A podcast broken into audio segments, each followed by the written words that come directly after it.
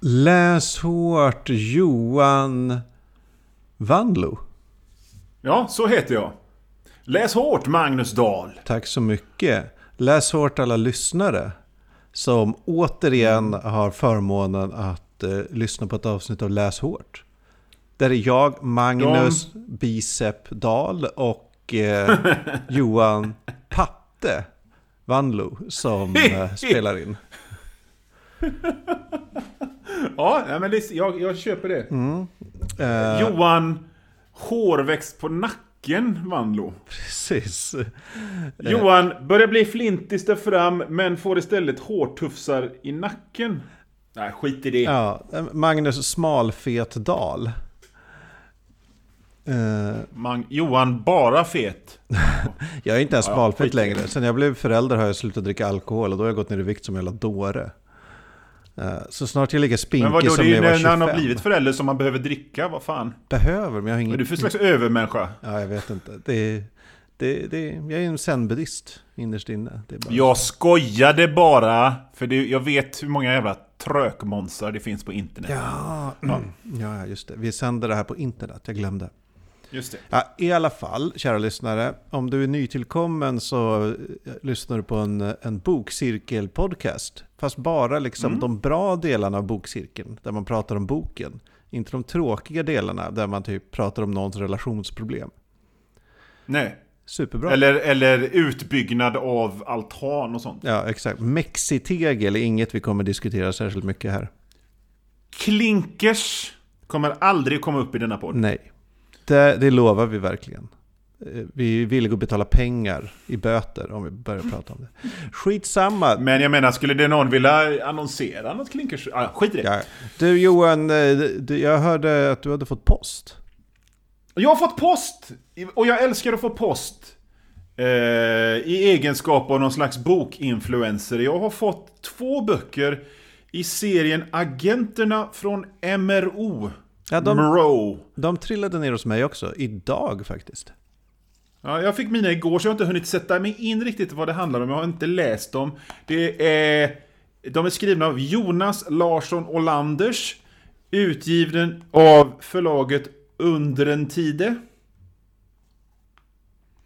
Och det är en slags ungdoms eh, ser det ut som. Det innehåller alla bra ord som finns den genren. Ja, tack, tack för dem, Ja. förlaget eh, Under en Tide. Föredömligt eh, tunna böcker var också, det gillar jag. Ja, Alltså det känns men- som det är även- möjligt att bara läsa dem. Och för, så här, man får lust. Ja, det är ju det bästa som finns. Och så är de ändå, ändå så här fi, fint inbundna med airbrushade omslag och hårda. Jag slår dem mot varandra nu. Och Ja. det, jag gillar det. Och det här blir säkert någon sån här sommarläsning på något sätt. Ja, det tror jag med. Tror jag. Så fort jag kan läsa pappersböcker igen ska jag läsa dem. Föredömligt av Under en Tide förlag att skicka böcker till oss. Eh, vi lovar inte att vi läser allt vi får, men vi lovar att vi nämner det i alla fall. Ja, det gör vi. Om vi inte börjar få sinnessjuka mängder. Så att vi måste ha en lagerlokal och det liksom blir, måste anställa någon och så här. Då gör vi inte det. Nej. Eh, och apropå böcker, så vill jag bara, vi håller ju på att göra lite reklam här nu, vi, vi stökar undan reklamen på ett tidigt stadium. Jag har kommit ut med en ny bok i min serie Elektrisk Pulp. Ni kanske minns Fitnesstjejer mot människoätande robotar. En ljudbok som finns på Storytel. Nu har uppföljaren kommit. Black Metal Yeti. Oh my god. Och den finns ute på Storytel nu och det handlar om en, en, ett black metal-band som väcker ett urtidsmonster som går bärsärkagång i en norsk by och en ensam norsk cowboy-hårdrocks-sheriff måste klara biffen. Ja, det har, alltså, Får jag sagt ni det? hör ju själva, kära lyssnare. En måste-lyssning. För det var en ljudbok, yes. Det är en ljudbok. Eh, finns på Storytel enbart just nu. Eh, Har ni Storytel, ni som lyssnar på det här, så finns det ingen ursäkt att inte lyssna. Den är en timme och 33 minuter lång. Det är verkligen jättesnabbt. Det är typ... Inläst av mig själv. Men jag tänker och ni hör nu- ju bara Ja, hur mysigt det är. vad sa du? Inläst av mig, den här Ja, rösten. ja, ja, Det hör ni ju hur mysigt det är va? Gud vad härligt. Eh, vad härligt. Eh, alltså men nu när alla sitter i karantän så måste det finnas hur mycket tid som helst att lyssna på en ljudbok. Ja, tycker jag. Vad ska de annars göra? Absolut. Ja. Ja men Nej. kul Johan, Fan, du kommer ut med saker lite titt som tätt. Det är härligt. Det skapar en känsla av aktualitet i den här podden som annars eh, kan vara frånvarande. Ja, nej men vad fan. Man måste vara om sig kring sig och, och så vidare för att det ska... Man är ju ingen sån jävel som sitter och skriver på en bok i sju år så kommer de ut med den och så får de eh, sitta i morgonsoffor i, utan här är det... Min dröm är att få komma ut med en bok varannan månad. Då hade jag varit nöjd och glad. Men men. Det låter typ som min, eh, min favorit T. Kingfisher slash Ursula Mm. Vernon. Som hon, eh, hon skrev något inlägg här att hon gett ut, de senaste, var, om det var fyra åren, har hon gett ut fem böcker om året. Det är ändå rätt bra. Föredömligt. Ja. Men du, vi, vi pratar om karantän och grejer. Mm. Och, och jag tänkte så här att in i det sista att vi skulle... Vi skulle helt enkelt inte låtsas om den här farsoten som har stängt ner hela världen. Finns ingen Där anledning. vi skulle befinna oss i vår... Vårt hög, på vår höga häst. I vårt i- och- elfenbenstorn. och bara i vårt elfenbenstorn trodde vi bara skulle ägna oss åt the art life. Men... Så fick jag... Eh, jag fick se en spaning någonstans på internet. Som sa att den här coronakrisen kommer att slå... Eh, precis som den slår mot alla branscher så kommer den slå mot den amerikanska seriebranschen på följande vis. Eh, det är nämligen så att, att när vi pratar om, om amerikanska serier så är det ju superhjältar och serietidningar vi pratar om, eller hur? Nästan Oftast. uteslutet. Batman, Superman och är det inte det så är det liksom lite mindre tidningar från Image och Dark Horse och Boom och IDW och så vidare. Och denna, hela denna bransch hålls under armarna av ett jävligt märkligt system som heter The Direct Sales Market. Och det är alltså i nuläget cirka 1500 små specialbutiker som, som säljer och distribuerar de här tidningarna. Alltså serietidningsaffärer. in, ja, ja, serietidningsaffärer. Och de, de, de finns med vissa undantag inte att köpa i den amerikanska motsvarigheten av Pressbyrån och liknande. Utan man får gå till sin seriebutik eh, för, för, att, för att köpa de här. Ja, Men då är det lösnummer vi pratar om nu, eller? För Ja, vi pratar om lösnummer och även trade paperbacks och liknande. Och trade paperbacks, ja vi pratar om lösnummer enbart nu. Men det är ändå lösnumren som, om vi, om vi pratar om superhjälte mainstream-delen av seriebranschen, som är dess hjärteblod på något sätt. Och, och coronakrisen, eh, då, då, då finns det ett... Eh, då finns det ett, eh, en, en enda distributör för sånt här och den heter Diamond. Och de ställde precis in allting nu. vadå, all och med- distribution av nya serier? All distribution av nya serier ställde de in och detta slår väldigt hårt mot de här små specialbutikerna. Eh, och i den här spaningen så läste jag att det kommer, det kommer bli så här att ungefär hälften av alla de här specialbutikerna kommer att tvingas att slå igen. Och det betyder ungefär 750 butiker och då spår jag, min tolkning av detta, att detta är slutet av den amerikanska serietidningsbranschen som vi känner den. För att den här branschen kan inte hållas under armarna av några hundra butiker. Det är omöjligt. Ja, Varav alla ligger Så i att- Los Angeles eller New York då typ. Ja, och kanske det finns något hål i väggen, någon sån här comic book guy, wizard, wizards dungeon i, i Bucksnort, Alabama, vem vet? Men, men jag tror att liksom det här är... Vi har inga serietidningar om ett halvår. Runt jul är jag jävligt nyfiken på att se hur, hur den amerikanska seriebranschen ser ut. Men! Men ja, kör på. Det intressanta med... Ja, hade du en... Ja, vänta, vi kan ta din invändning först. Hade du det? Ja, alltså i, i, är det här nödvändigtvis något dåligt? Det känns som ett system där det finns en distributör för en hel bransch. Ja. Är ett system Ja, som precis. kanske borde omskakas lite. Den är ju... Det är ju ett läckande och jättekonstigt fuskbygge liksom. Den här, den här, det där distributionssystemet. Man måste, alltså man... så här, de ger ut en, en telefonkatalogs tidning, Diamond, varje månad som heter Previews. Och den kan man köpa i sin seriebetidnings seriebutik och så kryssar man för vad man vill ha och så lämnar man in ett form så får man sina serietidningar tre månader senare när de väl kommer ut. Och det är ju jättekonstigt. Ja, varför funkar det så? Ja. Och, och då, då, då hör jag direkt hur någon, hur någon eh, på internet sitter och hoppar av, av. Ja, men, men, men, men Comixology, digitalt, digitalt! Och, och det här har vi pratat om förut.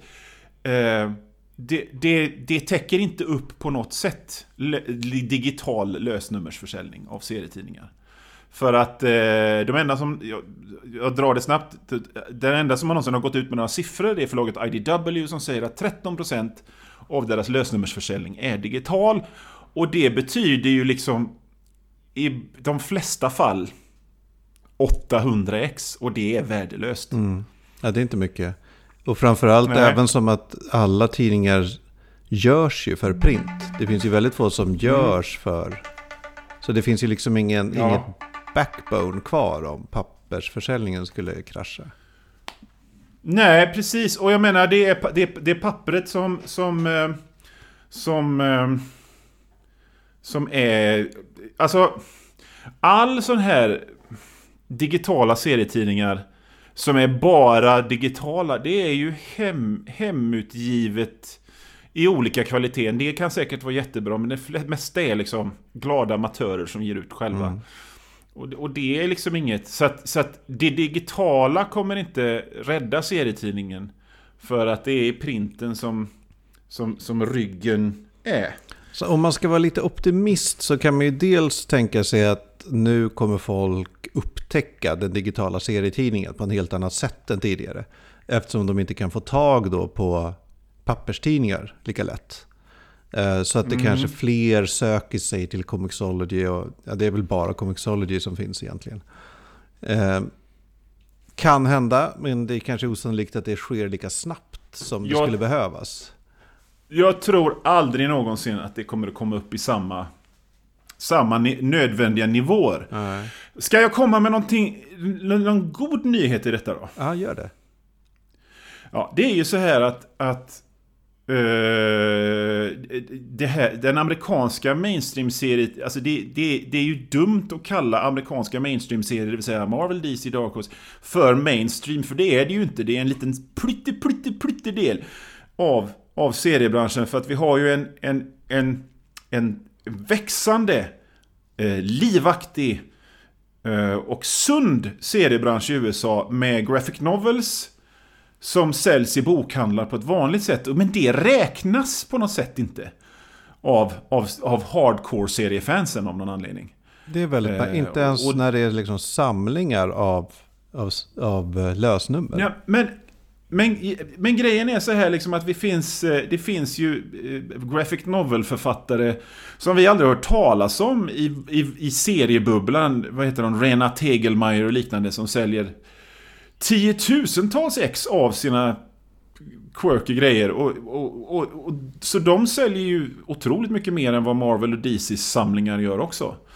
Men, men så, så, att, så att serien som form är ju inte i någon fara. Men serietidningen som, som vad säger man?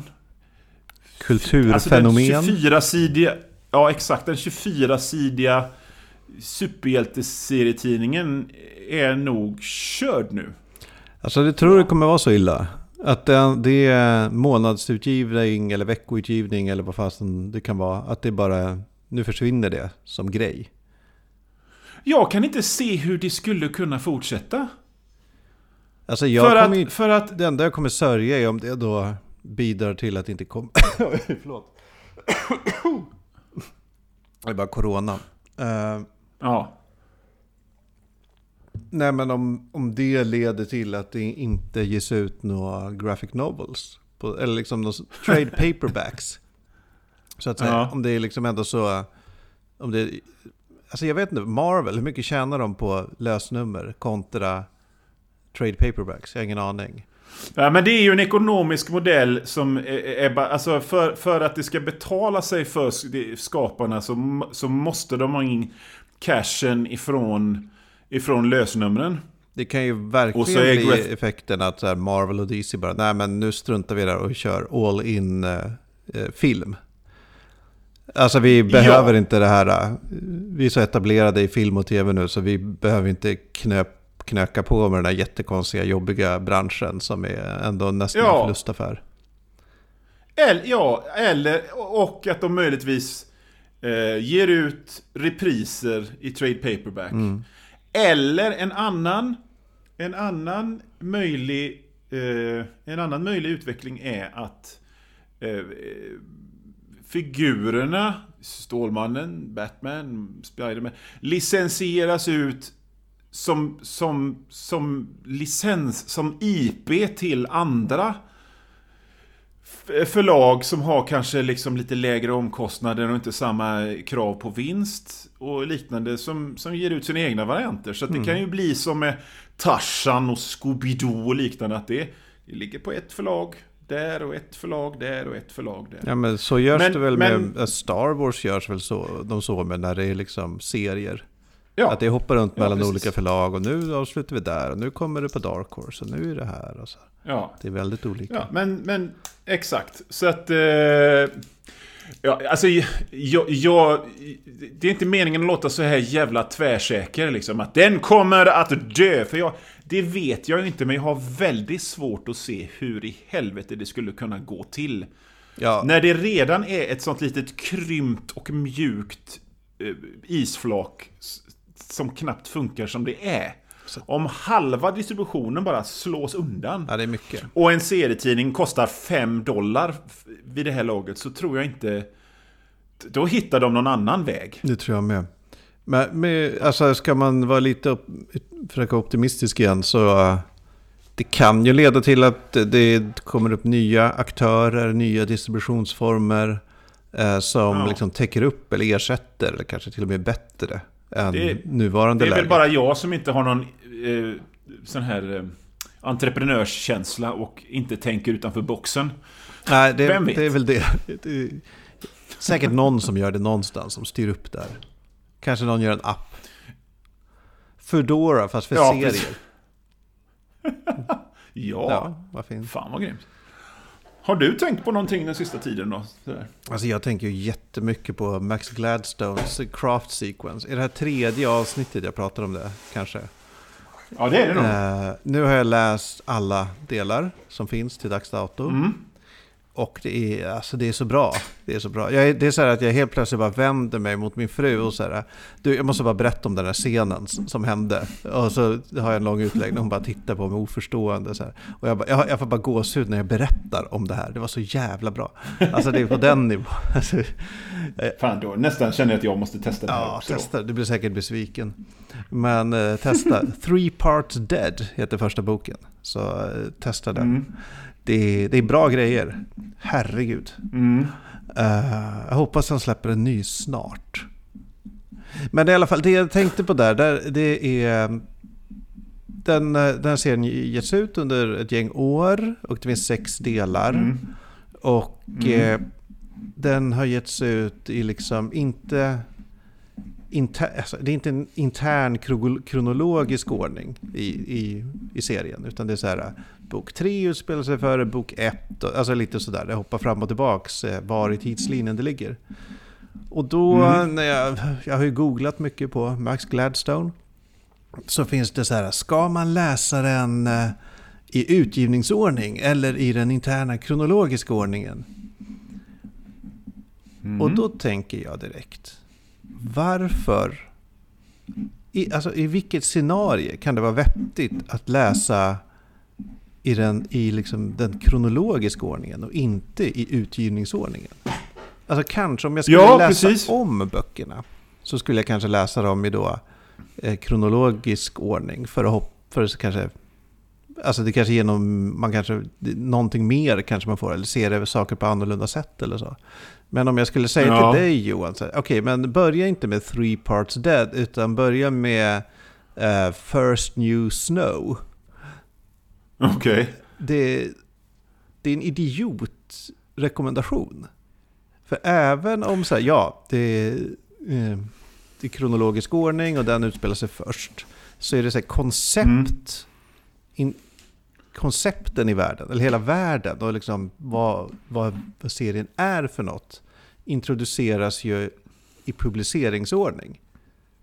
Ja. Du, du, får en förståelse för vad allting handlar om i bok 1. Som du sen eh, liksom har med dig när du läser bok 2 och 3. Och så här, att det växer så. Att det inte bara är kronologin som är det viktiga. Utan att det är liksom, de är faktiskt Nej. skrivna i en viss ordning. Och man får förkunskap från böcker eh, som man har med sig till nästa del. Så. Vilket man inte skulle ja, ha om man läste dem. Ja, ens upplevelse av, av den första boken kan ju kan ju bli något annat om man börjar med den som ska vara kronologisk men som är skriven efter, som man kanske inte uppskattar. Nej, jag, jag tror att man skulle missa mycket. Alltså att man inte skulle fatta ja. riktigt vad som pågår, helt enkelt. Nej. Att det är så jaha, vad är det här för något? Det är ingen, alltså, oj, ja, oh. Eller så kanske det skulle vara jättehärligt. Men jag har liksom svårt att se att det skulle vara en bra idé. Och det finns ju många sådana här olika serier, eh, speciellt inom fantasy och sci-fi som är...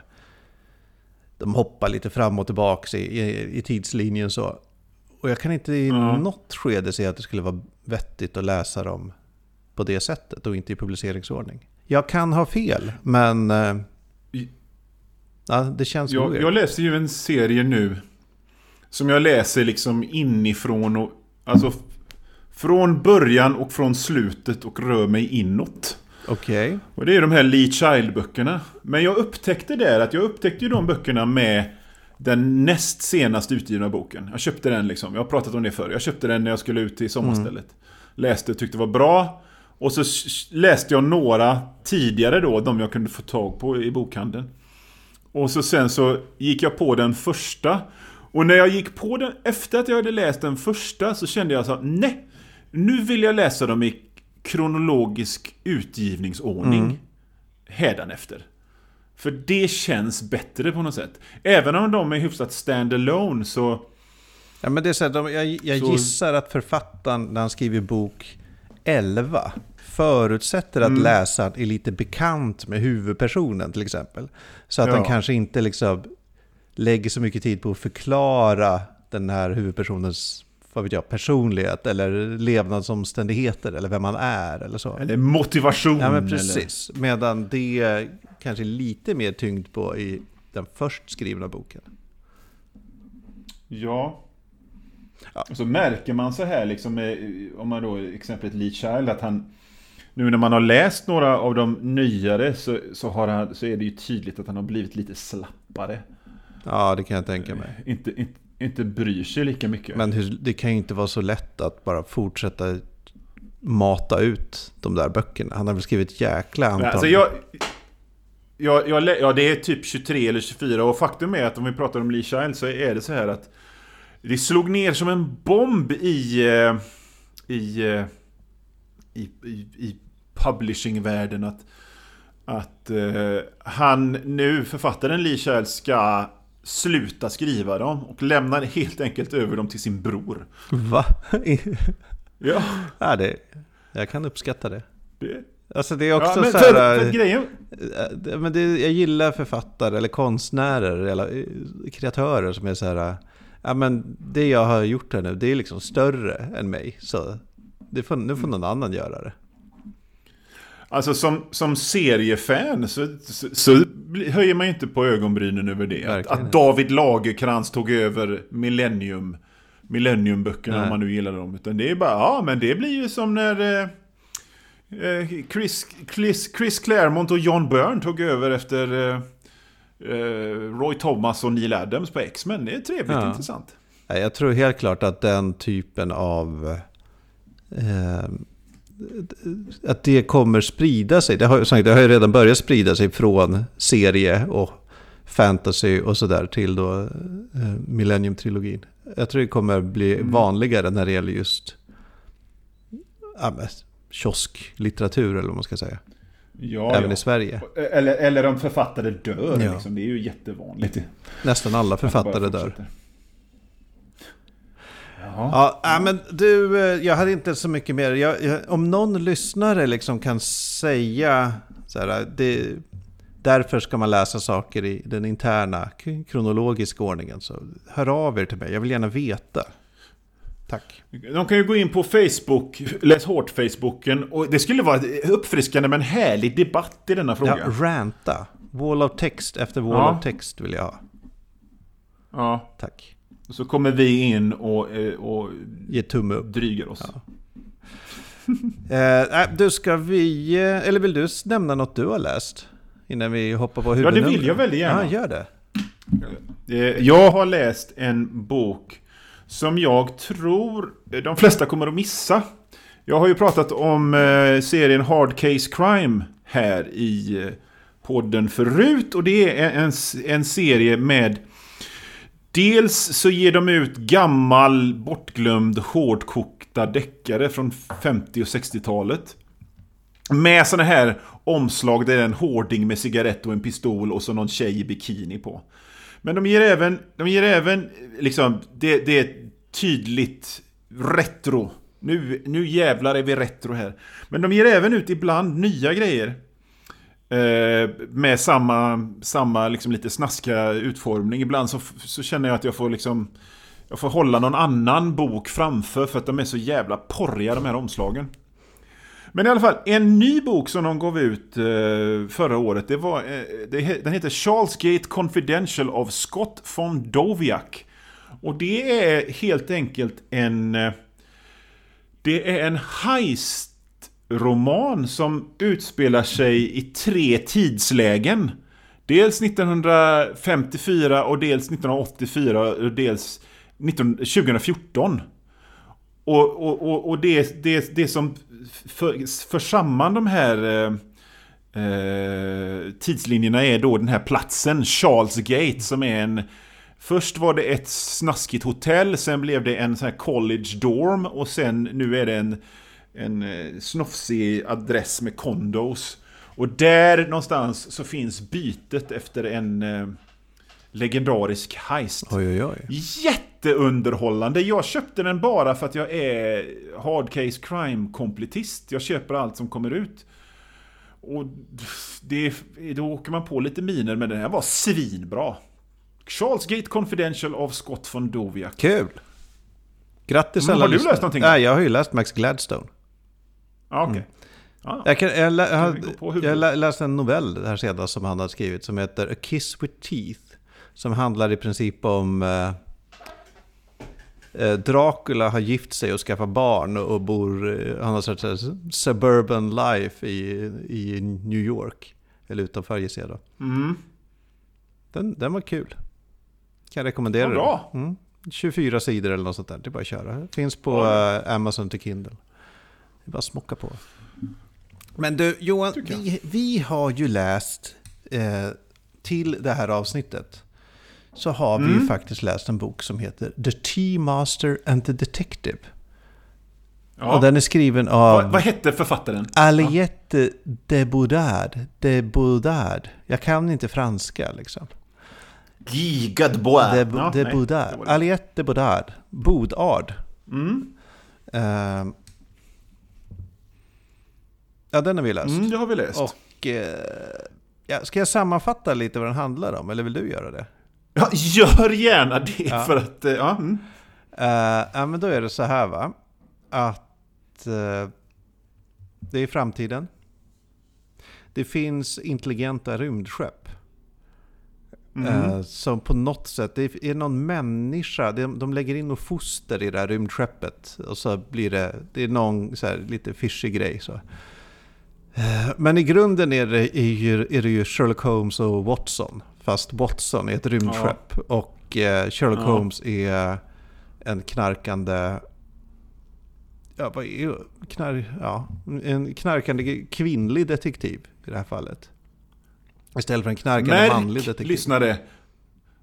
Hur, hur vi liksom är lite tvekande. Eller Magnus är lite tvekande här nu. Det tycker jag är väldigt intressant när det gäller den här boken. Ja, okej. Okay. Du får utveckla. Men jag kan, okay. Mm, gärna. I alla fall, eh, de här kommer i kontakt med varandra och eh, Sherlock Holmes, som inte heter Sherlock Holmes såklart, utan heter typ Long Chow eller något sånt där. Jag eh, kommer ja. inte riktigt ihåg. Är det Long Chow? Något åt det hållet. Fråga inte mig! Nej, äh, äh. jo, Long Chow. Uh, Sherlock ja. Holmes, Long Chow, träffar då Watson, eller The Shadows Child som rymdskeppet heter. För mm. att hon vill hämta ett lik ute i Deep Space, som är typ hyperrymden. Mm. Och så gör hon det. Och så är det något konstigt med det här liket. Och det blir lite mysterier. Och de träffar lite olika personer. Och eh, det blir lite drama. Och så löser de brottet. Känns det? Känner du igen dig? Typ! Jag valde ju den här boken. Så eh, du, ja. vad, vad tyckte du om den Johan? Du, alltså ärligt talat. Jag fattade inte ett skit av den här boken. Okay. När, man, när man är sådär på sidan 7 och har tappat bort sig. Det är fan ingen bra eh, känsla. Jag hade också lite problem liksom, att följa handlingen faktiskt. För, för grejen är så här att Ja, det är medvetna rymdskepp som är ombord på något annat rymdskepp. Och termer och företeelser och fackuttryck och verb är liksom fantasiuttryck. Så det blir liksom Jorfnar lät björdersgnagnerna fraggla på hennes pjöb. Ja, bara, för det här rymdskeppet kan liksom projicera sig på något sätt in i andra... Alltså den har någon sorts fysisk närvaro. Den kan gå runt i liksom hus, rymdskeppet. Ja, och jag fattar ingenting liksom. Det sitter rymdskepp och diskuterar att dricka knarkte. Ja, just det, för det... Jag kan få läsa upp... Mm, kör. Jag ska läsa upp en, en, en talande mening som jag klippt ut och klistrat in i ett dokument här. Eh, här är liksom en dialog ifrån The Teamaster and Detective. Ours, Pam Tai Han An, Long Shao said. She made a living maintaining the inner rings of the apricot blossom Ho habitat. Vad är detta? Jag fattar inget! Och, och, och, och, och de här karaktärerna, snedstreck rymdskeppen, har namn som Sharpening steel into needles. Ja, jag, jag fattade ingenting. Jag fattade ingenting av detta. Jag antar att du tyckte bättre om den här boken än vad jag gjorde. Alltså, jag, jag var inte... Jag är inte helt såld, det kan jag inte säga. Jag tyckte det var svårt att uh, följa, följa handlingen. Det var ju lite så här eh, komplikationer och invecklingar och sådär som jag in, bara helt enkelt inte riktigt hängde med i, kort och gott. Nej. Uh, så, men... Sen gillar jag ju inte Sherlock Holmes-pastischer riktigt, förutom möjligtvis Sherlock då, tv-serien. Det, det är liksom... Som inte är pastischer egentligen. Nej, ja. men det liksom tar över för mycket. Jaha, det här är Sherlock Holmes och eh, Watson. Det är liksom, den vetskapen mm. tar över min tolkning av boken för mycket. Liksom. Mm. Uh, men Alltså jag tyckte det är lite konstigt för den här har liksom nominerats till alltså jättemånga till Hugo Awards och Nebulas och liksom Locus och World Fantasy Award och så British Fantasy Award. Den har inte vunnit något men den är ändå mm. nominerad till alla de här.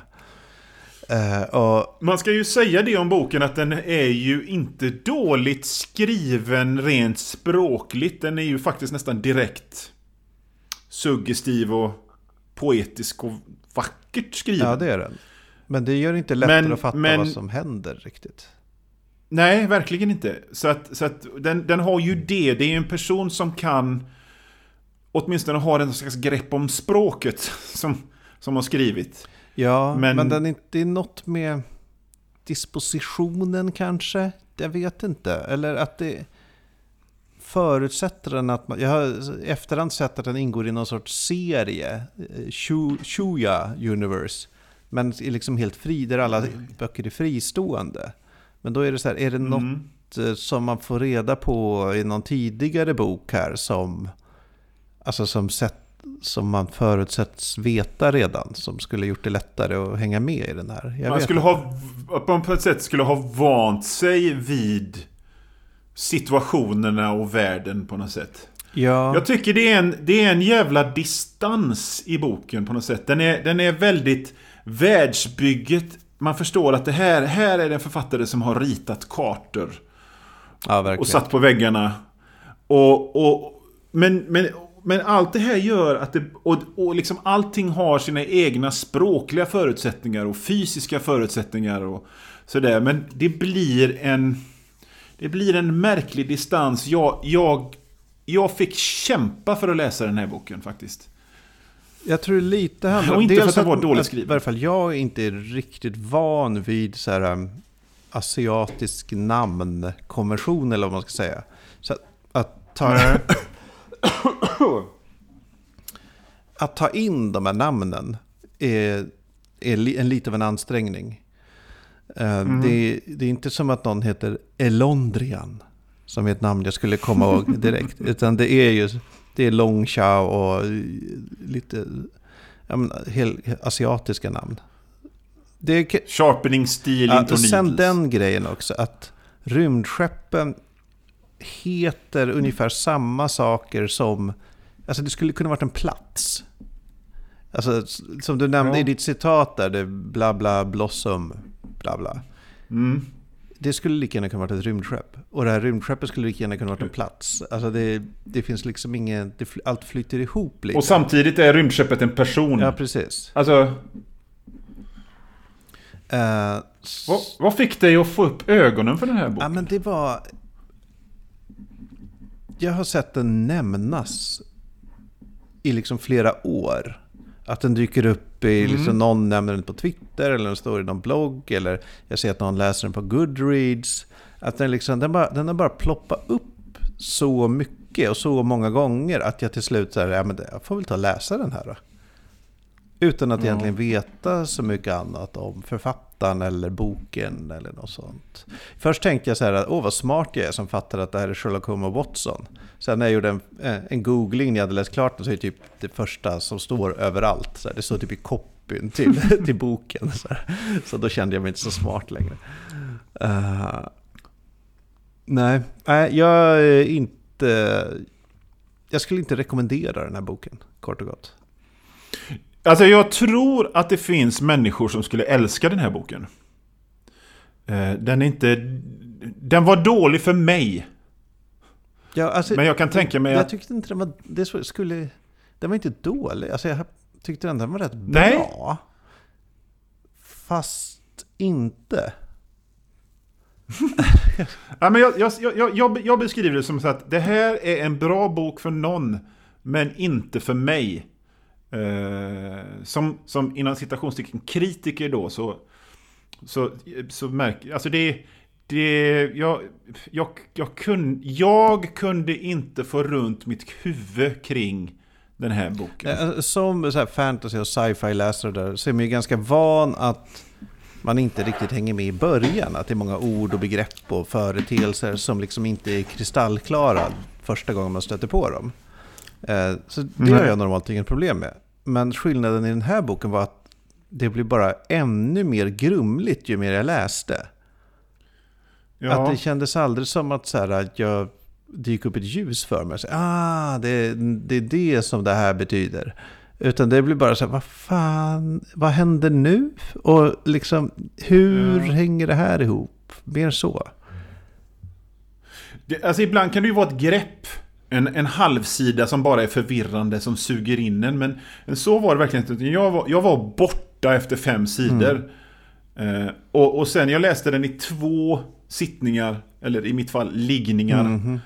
Eh, och, och när jag skulle när jag plockade upp den andra gången så, så, så mindes jag ingenting av det jag hade läst först. Det, det var bara... Ja, det är märkligt. Ja, Eh, ja, Ja, alltså jag- så här, om man är intresserad av eh, här, modern sci-fi, läs den. Eh, Den är ju ändå, Mm. det finns ju uppenbarligen människor som älskar den, för den har ju som sagt nominerat sig massa, massa priser och sådär. Så eh, för all del, läs den. Eh, Men jag skulle inte... Nej, eller läs den inte. Skit i det. Läs någon Om- annan. Jag skulle inte rekommendera här- den här framför någon annan bok egentligen. Om jag skulle säga, Nej. ska du läsa Max Nej. Gladstones A Kiss with Teeth? Eller ska du läsa den här? Ja, då läser du Max Gladstone. Ja, eh, jag, jag, som sagt, jag tror, att, eh, jag tror att det finns människor som gillar den här, såna här, den här mattemänniskor som, som, eh, som är med i Mensa och ty, sånt. Men det var, detta var inte för mig alltså. Men, men det var inte dåligt på det sättet, utan det var, det, det var, det, det, var, det var inte boken, det var jag. Det, det är vad jag tror. Och lite du också. Ja, det, är inte, det, är inte, det är inte alliet, utan det är vi. Ja. Du, eh, Johan, du har ju... Du har ju fått uppgift att bestämma vad vi ska läsa till nästa avsnitt. Som då kommer en... Kom du ihåg när vi, eh, när vi liksom på något sätt eh, gjorde ett stickprov på en genre sist? Mysiga bokkattdeckare. Ja, nu så ska vi ta ett stickprov på ett författarskap, känner jag. Mhm. Det finns ju en författare som jag känner, hans namn är ju lite ett skämt. Eh, det är liksom en punchline i sig. Och jag tänker, är det rättvist tro? Jag kommer ihåg, för att jag har nämligen läst några av hans böcker på den här i mina tonår som jag älskade. Jag visste att det inte var lika bra som... Ja, vi pratar om Dean R. Koontz. Vi ska läsa Dean R. Koontz du och Åh jag. fan. Åh fan. Så att jag tänker läsa. Nu ska jag ta fram min Kindle här. Och eh, se vilken bok jag hade bestämt mig för att läsa. Jag ska, han har ju skrivit böcker eh, i hur många år som helst. Sen, sen 70-talet. Och på 80-talet så var han eh, strax i hälarna på Stephen King. I den här skräck-tegelstens-bestseller-racet. Mm. Så det är ju, inte en, det är ju ingen misslyckad författare, det är en författare som sålt miljoner. Men jag ska läsa ifrån hans storhetsperiod, eh, 88, så ska jag läsa Midnight av Dean R. Koontz. Och du får ju för fan, du får ju bestämma vad själv vad du vill läsa om. Uh, alltså jag, min relation till Koons är ju dels att du har sagt att han har låg status, typ. I den här Mm. podden. Eh, och att min gamla bästis Anders E läste en Koons bok på landet, typ kanske när vi var 16 eller något sånt där. Ja. Och jag, först tänkte jag att jag skulle läsa den boken. Men jag kommer inte ihåg vad den, vad den hette. Men jag har en vag bild Det av... heter säkert Phantoms. Nej, jag har en vag bild av omslaget. Och så började jag kolla upp svenska omslag då. Och då är det så att alla omslag har typ ett, ett hus på sig. Vilket var det jag kom, kom ihåg. så det är helt går... Och färgen lila. Ja, det är helt omöjligt. Det går inte. Jag vet inte vad det var. Eh, så då tänk, tänker jag väl att... Att jag... jag, du förvarnade ju mig om det, att det här skulle hända. Så jag har ju varit tvungen att, att googla lite. Mm. Och eh, då ser jag att han släpper en bok den 31 mars. En ny. Ja, Som heter Devoted. Så den Mm. ska jag läsa. Men, men, Kul! Ja, men sjuka här är att han heter bara Dean Koontz numera. Han har släppt r Han har släppt r Vet du vad han också har släppt? Om man tittar på gamla, eh, eller snarare, han- det är en sak han har lagt till å andra sidan. För att om man tittar på gamla författarfoton på honom. Så är han, eh, då ser han, då är han flintig och har en st- stor tjock mustasch. Men författarfotona nu så har han en sån här riktigt god hjälmtupé. men har rakat bort mustaschen. Ja. Men vad kul! Ja. För då ska, jag, jag hoppas att vi på något sätt ska å, återupprätta din Ja, men det, ska, ja, det ska bli väldigt spännande. Får jag läsa ett par meningar så- här i, i liksom copyn på Amazon till den här Devoted? Det är jättemycket text. Jag läser, jag läser första meningen i varje stycke. Okej. Woody Bookman hasn't spoken a word in his 11 years of life. Och så hoppar vi till första meningen nästa stycke. A uniquely gifted dog with a heart as golden as his breed eh, is devoted beyond reason to people. Aha, uniquely gifted dog. Och sen kommer då. Woody's fearful suspicions are taking shape. Så det verkar vara en pojke och hans hund det här. Ja, Ja, spännande. nice. Det, alltså, det, det här är ju grejer man känner igen med Dean Koontz. Folk med gifts och devoted dogs och grejer. Jag, jag satt, medan du läste det här så... var jag snabbt inne på eh, Läs Hårts Facebook-sida. Och då är det någon, det kanske är du, eh, men det är någon som laddar upp ett foto på en t-shirt design där det står Dean Koontz! Nej, det, det är inte jag. Alright, I guess. Men det, det, är så typiskt så som folk ser på Dean. Koontz. Eller Dean Koontz. Så att, eh, och det är ju det vi håller på med här i Läs Ja, gud, ja. Vi lyfter grejer. Vi hyllar grejer. Vi läser det som andra inte läser. Och nu så ska vi läsa Dean, Dean Koontz tills nästa Jag avsnitt. tar och förhandsbeställer den här för 10 dollar. Nice. Läs hårt Johan Wanlo. Nice. Läs hårt, Magnus Dahl.